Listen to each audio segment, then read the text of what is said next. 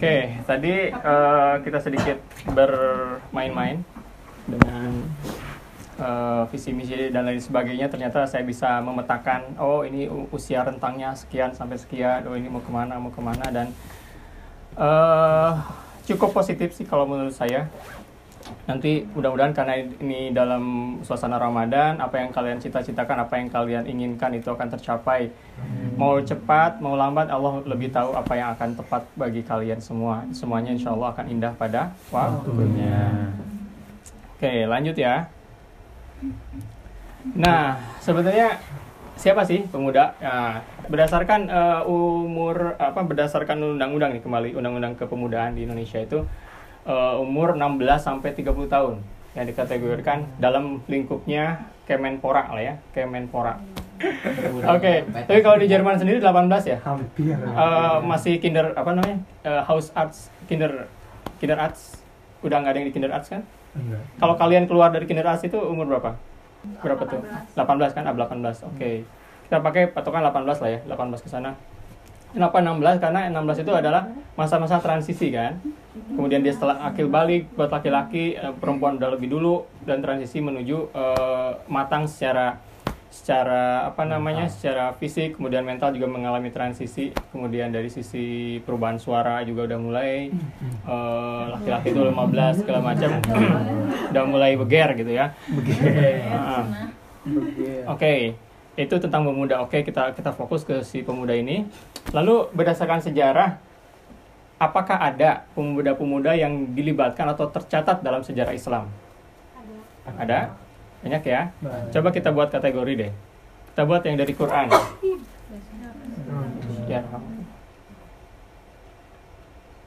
Ya.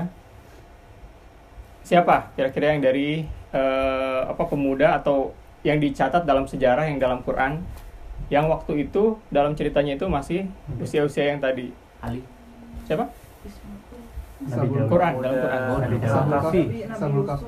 Ya, Sabul betul. Kafi. Kita lihat. Satu. Ibrahim. Baik, setuju ya Ibrahim. Kenapa? Ada yang tahu?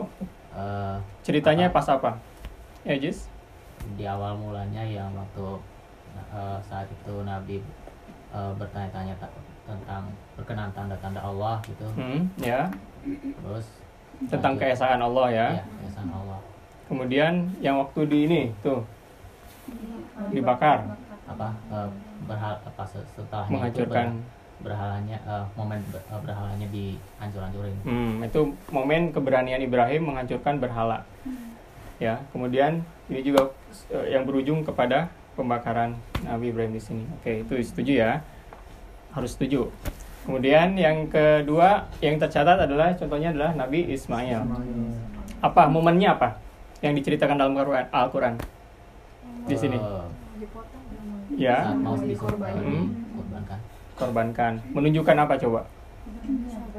Kesabaran, keimanan, Ketabahan. ketabahan, percaya sama bapaknya karena yakin akan itu adalah perintah dari. Allah. Selanjutnya Nabi Yusuf, momennya apa? Dibuang, oke itu masa-masa anak-anak. Masih itu. Kemudian ada lagi yang masa-masa pemudanya, waktu digodain. Hmm, digoda. Sama? Aduh, Zu, Zu, Zu, Zulaikha. Ya, jadi eh, apa berlindung kepada berlindung dari godaan setan ketika eh, apa lari dari godaan eh, Zulaiha ketika akan diajak berbuat zina. Itu menunjukkan rasa takutnya Nabi Yusuf terhadap kepada Allah gitu ya untuk berbuat zina. Kemudian momen selanjutnya adalah ketika di penjara kemudian meng- apa, menafsirkan mimpi hingga menjadi seorang eh, gubernur ya, gubernur besar saat itu. Oke, itu dilakukan pada masa-masa yang masih muda. Kemudian Nabi Yahya. Yahya, Hmm, yang Banyak. ada yang tahu momennya atau apa keistimewaannya yang tercatat di sini? Apanya? Jadi Nabi Yahya ini diberi keistimewaan oleh Allah sejak anak-anak bahwa eh, ketika Nabi Yahya lahir pun Allah mengucapkan salam kepadanya. Hmm. Gitu. Bahkan dalam satu sebuah hadis eh, Nabi Isa eh, Nabi Yahya ini anaknya Nabi Zakaria ya. Ketika Nabi, Nabi Zakaria menginjak, menginjak usia yang sudah renta, ternyata Allah tetap eh, memberikan anak karunia anak kepada Nabi eh, Zakaria itu yang bernama Yahya. Bahkan Allah mengu- mengucap mengucapkan salam mengucapkan salam atas kelahiran eh, Yahya bayi ini. Kemudian Nabi Yahya ini termasuk orang eh, Nabi yang eh, diberikan hikmah ketika ketika apa masih kanak-kanak itu sejak kecil. Sehingga dia termasuk eh, beliau termasuk orang yang eh, pintar ya. Terus dia bertakwa sangat cinta kepada orang tuanya. Kemudian juga diberi eh, senang membaca itu kan Allah memerintahkan kepada Yahya untuk membaca Taurat ya kan? Nah dari Taurat itu Nabi Yahya banyak ilmunya. Jadi dia senang belajar senang membaca dan menjadi orang yang arif lah yang menjadi pertanyaan bagi kaumnya waktu itu. Dan Nabi Yahya meninggal secara syahid karena mendapatkan sebuah fitnah dari dari seorang wanita dan raja saat itu sehingga dipenggal kepalanya.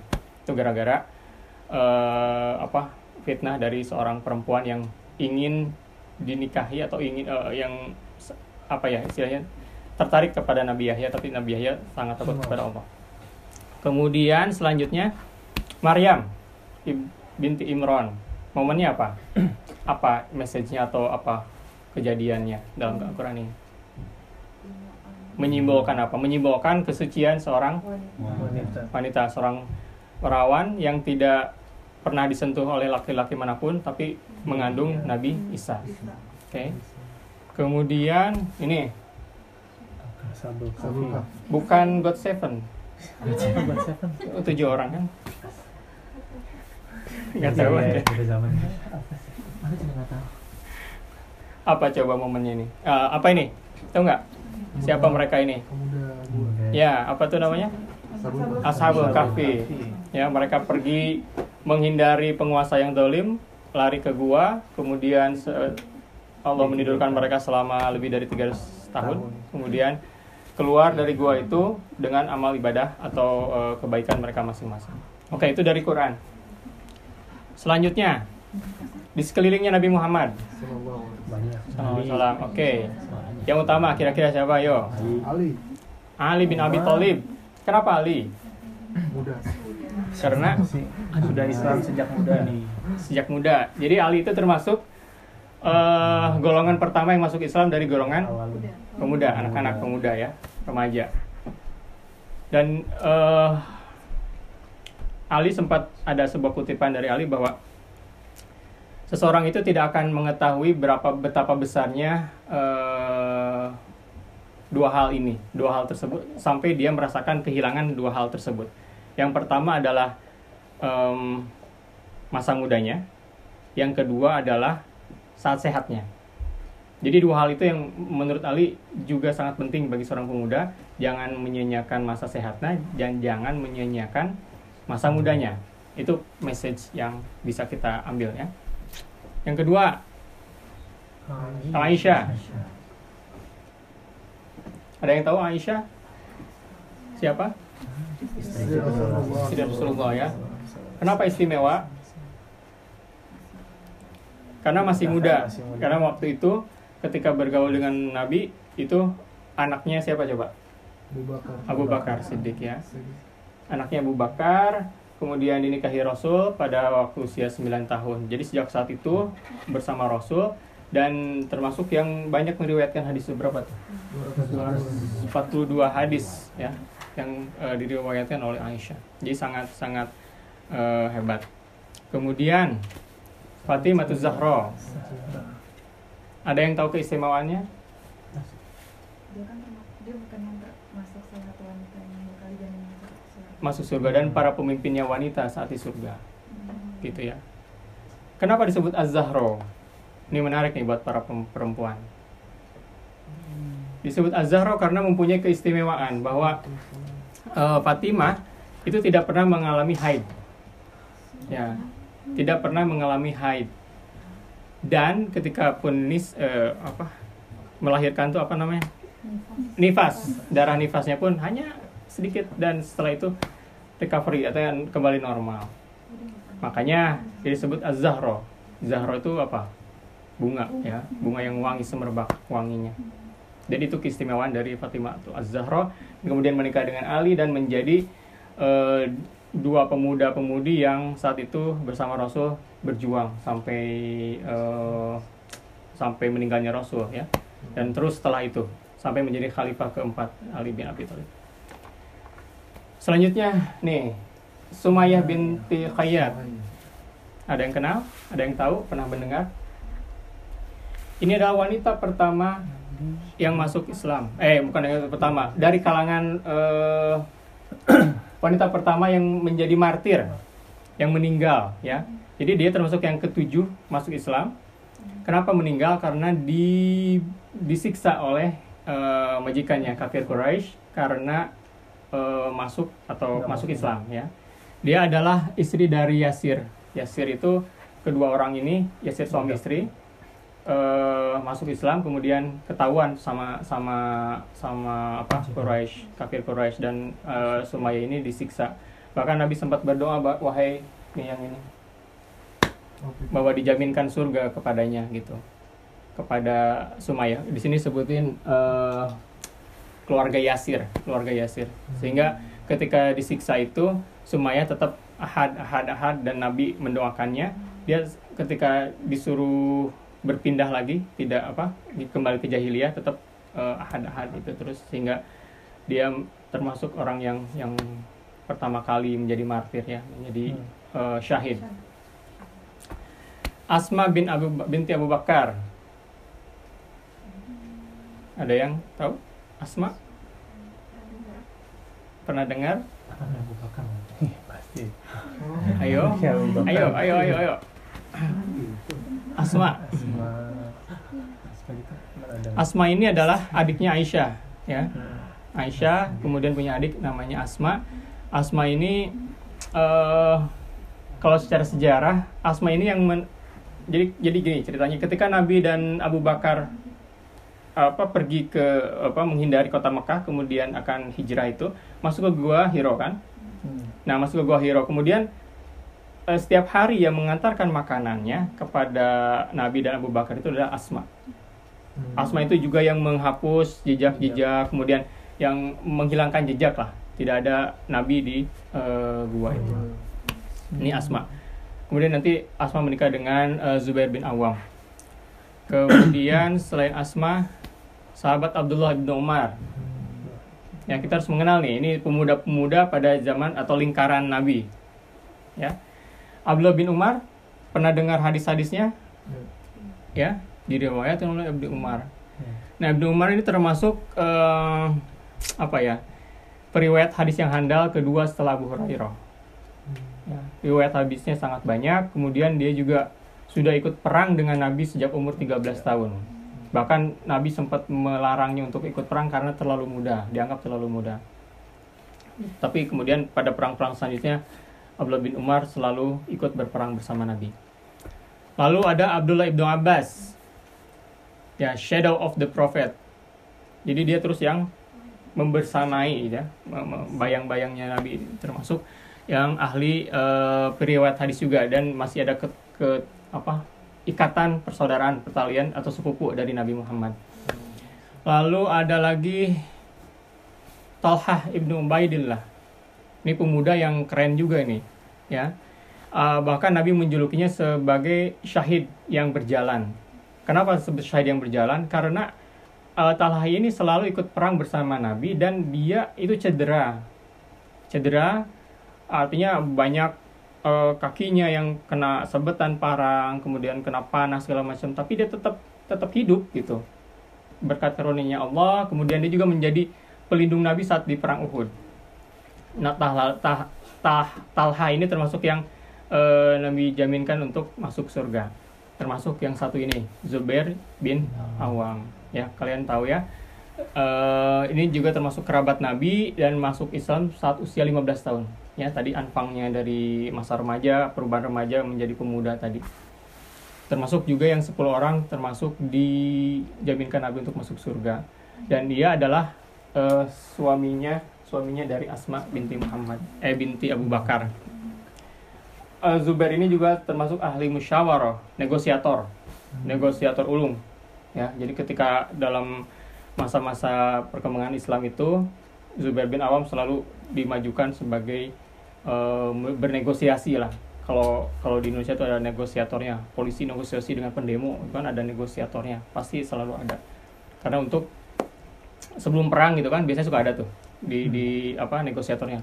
Ke dikirim ke apa negara tertentu atau wilayah tertentu untuk mendapatkan eh, apa yang menjadi tujuannya. Ya dalam tujuan penyebaran Islam. Kemudian Lalu kita itu tadi konteks sejarahnya yang sangat luas dari berdasarkan Al-Qur'an kemudian dari lingkungan sekitaran Nabi. Terus apa kalau konteks yang kekinian sebetulnya apa yang menjadi eh, atau yang dilakukan oleh para pemuda? Nih, salah satunya adalah eh, nasionalisme. Pemuda itu punya apa ya? Punya semangat atau jiwa nasionalisme yang sangat tinggi. Sejarah itu mencatat ya kalau di kita itu sejak Budi Utomo, kemudian eh, kemerdekaan masa kemerdekaan itu sampai Soekarno itu diculik oleh siapa? Oleh pemuda kan sebelum eh, apa itu? Eh, apa bukan? proklamasi. Proklamasi Biar cepat gitu. biar cepat dan lain sebagainya. Kenapa itu bisa terjadi? Nah ini ini ada peran-peran pemuda di sini. Kemudian pemuda juga suka eksplorasi eksplorasi ke gunung. Suka ke gunung ya? Gunung. Iya. Alhamdulillah. tapi nggak di Jerman. Nah, di Jerman. ya pokoknya suka suka diving ada yang suka diving? Suka main diving bola deh. Pura-pura ya. Itu banyak banyak hal yang yang bisa dieksplorasi dari eh, apa kegiatan atau apa yang dilakukan oleh para pemuda tersebut. Nah tadi dari eh, play role tadi ada yang ingin buka wirausaha kan, buka bisnis sendiri rata-rata pengen punya bisnis sendiri, banyak yang punya bisnis sendiri. Dan menurut data nih ya, data ini eh, e-commerce muslim di Indonesia tuh cukup cukup marak gitu ya dan prospeknya cukup cukup tinggi dan dikatakan eh, apa ya sekitar 52 orang muslim Indonesia itu termasuk muslim yang millennials gitu ya. Termasuk yang ini di 23 24 dan sampai di bawah 30 itu termasuk yang yang punya jiwa entrepreneurship yang cukup tinggi gitu ya.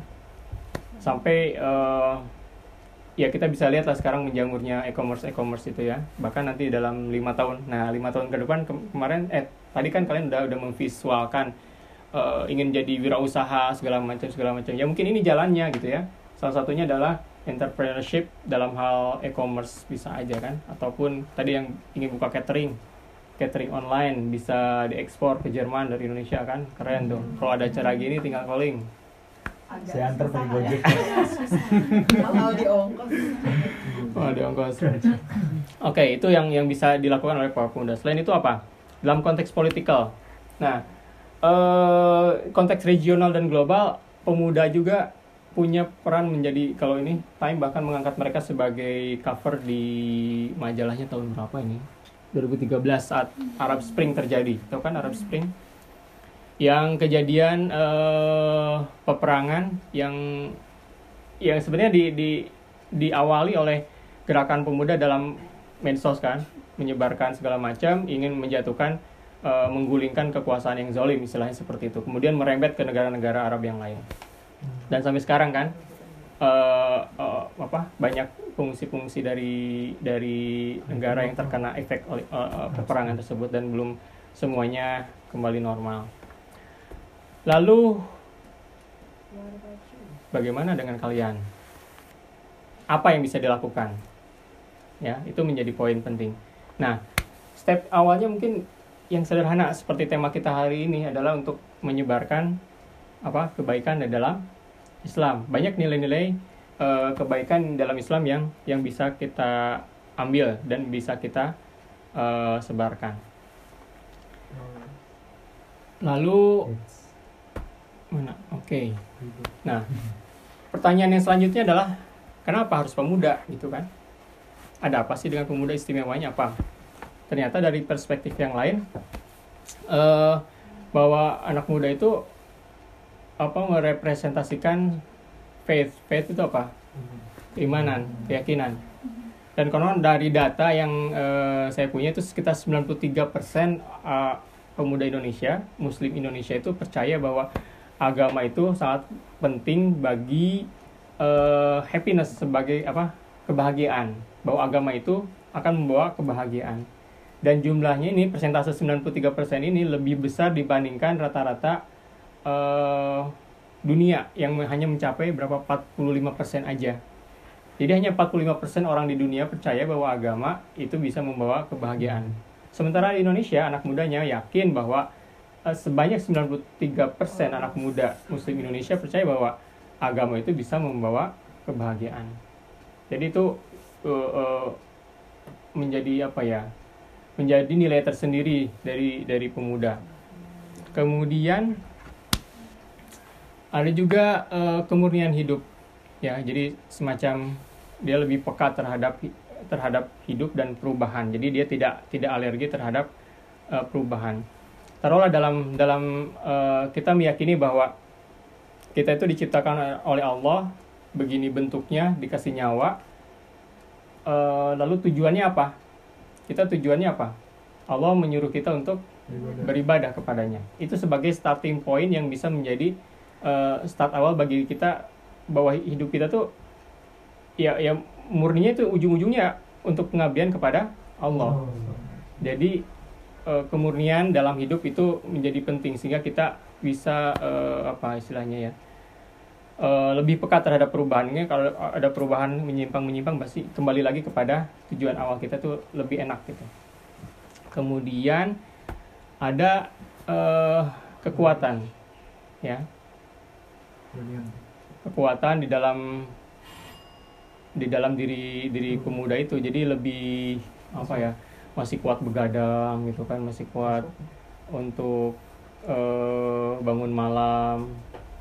Secara secara skill secara secara apa kekuatan itu masih masih eh, masih kuat lah ya. Kemudian ada lagi yang dinamakan dengan keikhlasan ya bahwa apa yang dilakukan tidak apa tanpa pamrih segala macam ya. Ikhlas nggak kalian di sini? Ikhlas nggak bantu bantuin bikin buzum misalnya kan? Jadi ada nilai-nilai yang tadi ada yang ingin bikin apa eh, panti asuhan. ya. Itu kan sebuah sebuah niatan nanti ada di sini kita lihat voluntarism. Kemudian membangun sekolah itu perlu ada sebuah keikhlasan di dalam diri kalian sendiri ya nah itu menjadi sangat eh, hal yang sangat penting di dalam eh, penyebaran tadi nilai-nilai Islam oleh pemuda. Kemudian sisi kesopanan. Kenapa ini? Emang pemuda nggak sopan? Nah, sopan ya. Punya nilai kesopanan gitu. Punten mangga terima kasih. Apa? Poinnya apa? Taruhlah kalau ketika di Strasenban gitu ya kan ada untuk jadi kita lebih memprioritaskan orang-orang yang membutuhkan. lebih lebih kita merasa lebih muda kemudian ada orang-orang tua yang eh, sepertinya membutuhkan kita bukan kita saja mungkin ya secara umum kita bisa melihat bahwa orang-orang yang muda terutama lebih muda dari orang tersebut memberikan eh, seatnya buat mereka. Itu eh, gampangnya seperti itu. Kemudian nih kindness yang tadi disebutkan ya. Yang tadi poin dari apa tuh? Dari video yang tadi kita tonton ada. Ya kebaikan. Pada baik-baik kan? Ya. Yakin itu bisa menjadi refleksi bagi diri kita sendiri ya. Ke- baik itu membantu sesama kemudian kalau ada yang butuh uang dulu buat bayar apa? Kosan seperti gitu kan. Kalau nggak dibayar-bayar tahu ada yang kerja di Daimler gitu kan gajinya gede bisa pinjam dulu gitu kan. Oh baik banget gitu kan. Jadi itu ada tertanam di dalam diri eh, kalian gitu ya. Siap. saya nggak tunjuk siapa siapa soalnya. Cuma nol ya. Cuma nol. kemudian ada ini setuju ya?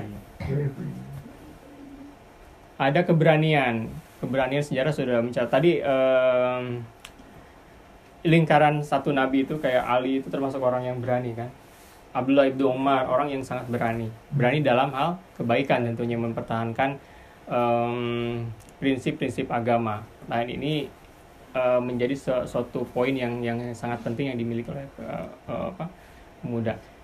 Kalau orang tua kan berani sih berani tapi sebentar. Ini eh, usia berapa tahun lagi gitu kan udah mau pensiun. Wah belum pensiun segala macam. Kalau kalau ini kan kalau pemuda masih masih tadi purity of life masih belum terganggu hal-hal lain gitu ya. Hmm. jadi tingkat keberaniannya itu eh berani lah gitu doang mah gitu kan. Jadi bonek lah istilahnya. Bonek. Boleh nekat. Nekat dulu. Kemudian yang terakhir altruism. Ada yang tahu ini apa?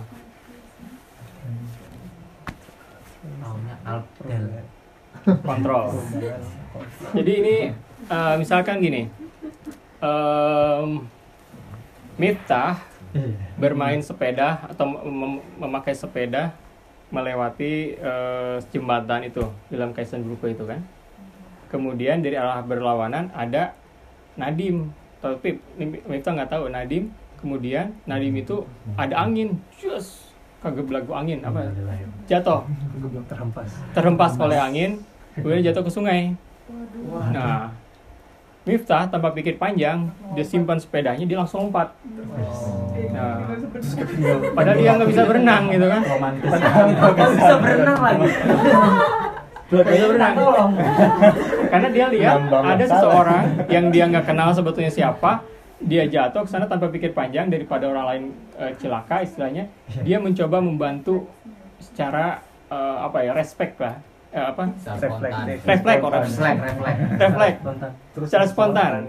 kemudian ketika di bawah dia sadar nggak bisa berenang kan? Bisa berenang tapi kan dalam kondisi apa sungai dan eh, apa istilahnya dalam Tempat atau mandi, tidak. bisa berenang. dikhawatirkan mencelakai dirinya sendiri nah itu poinnya mencelakai diri sendiri. Tapi dia nggak peduli gitu. Dia nggak peduli itu akan me- me- mencelakai dirinya sendiri. Yang penting dia bisa eh, menolong istilahnya tujuan awalnya adalah menolong. Nah ini sifat ini juga ada yang tadi yang kalian yang disebutkan bikin eh, sekolah ingin bikin panti asuhan bikin jiwa sosial. Itu adalah jiwa-jiwa eh, altruism apa ya altruistik ya istilahnya. Atau kita konversikan adalah bahasa gampangnya ada voluntarism. Nah Oh, kerelaan. ya relawan relawan. Tapi bukan relawan pilpres ya ini eh, voluntarism. Nah konon katanya eh, usia-usia kalian ini adalah usia-usia yang eh, sangat subur jiwa-jiwa voluntarism ini. Makanya nggak nggak salah gitu kan kalau disebut kalian punya jiwa altruism ini. Jadi itu kenapa itulah kenapa eh, penyebaran poin-poin apa eh, good deeds Islam ini bisa di eh, disampaikan oleh para pemuda. Nah, ini terakhir. Eh, lalu bagaimana atau apa yang harus dilakukan atau hal apa saja yang menjadi poin bagi eh, kalian sebagai pemuda yang eh, apa bisa dilakukan? Representing Islam. Jadi eh, ketika jadi mere- kita mere- merepresentasikan nilai-nilai nilai Islam itu sendiri ah, di terhadap di atau terhadap komunitas lainnya. Jadi misalkan ketika kita berteman dengan orang yang non muslim pada musim eh, bulan puasa gini, bukannya dia memang tidak berpuasa, tapi bukan berarti kita harus ikut-ikutan eh, tidak berpuasa juga gitu kan? Ataupun kita ikut ke apa istilahnya ada PhD drink misalkan, Eh, kan suka ada tuh sosial apalah gitu kan? Bukan berarti kita juga harus ikut-ikutan ikut-ikutan eh, minum seperti seperti mereka itu menjadi sebuah representasi bagi eh, diri kita sendiri merepresenta- merepresentasikan Islam. Kemudian yang kedua adalah eh, mengikuti suri tauladan. Jadi orang-orang terdahulu kita, kemudian orang-orang tua kita dalam in a good way ya, eh, mannernya yang bagus, kemudian contoh-contoh yang baik sampai tadi para sahabatnya, pemuda-pemuda yang sahabat tadi kita harus belajar lagi apa sih yang dicontohkan oleh Ali, eh, Fatimah Az-Zahra, Asma. Itu coba deh kalian buka lagi mempeng eh, apa ya mempeng mumpung beberapa hari lagi nih Ramadan. Kita coba deh. Ini banyak menarik banget nih tentang perempuan kajian eh, eh, tentang kenapa Fatimah Azhara tidak pernah haid kenapa nifas segala nifasnya sedikit. Itu menjadi ilmu buat buat kalian gitu ya terutama para eh, tadi provinsi Mudi tadi bisa belajar lebih banyak lagi dan mencontoh tadi eh, suri toladannya termasuk yang eh, muda juga bisa lihat tadi banyak eh, apa contoh-contoh yang kita bisa tiru. Yang ini yang ketiga adalah kontribut berkontribusi. Jadi salah satu contohnya adalah eh, yang bisa kalian lakukan ya seperti ini, mendatangi undangan dari panitia untuk menghadiri ini buka puasa bersama dan sampai nanti malam itu salah satu bentuk konkret yang bisa yang sudah kalian dan yang sedang kalian lakukan. Mungkin akan lebih ada eh, in the next level kalau kalian bisa membawa eh, organisasi atau komunitas ini eh, apa istilahnya berinteraksi membuat networking dengan komunitas serupa dari negara lain misalnya ya dari Turki itu banyak sebetulnya. Atau enggak di negara lain pun di Uni misalkan ada kan eh, apa IHB IHB kemudian di HS juga ada. Itu akan sangat bermanfaat.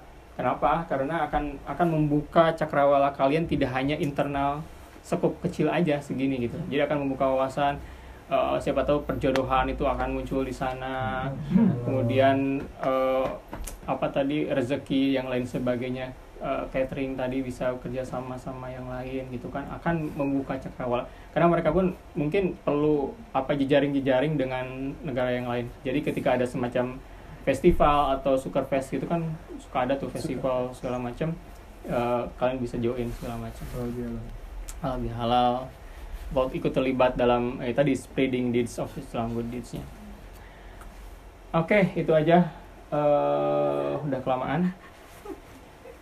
Ya, itu aja yang dapat saya sampaikan. Eh, mohon maaf atas kesalahannya. Yang benarnya hanya dari Allah, kesalahannya dari kehilapan saya sendiri. Bila taufiq wal. Assalamualaikum warahmatullahi wabarakatuh. Waalaikumsalam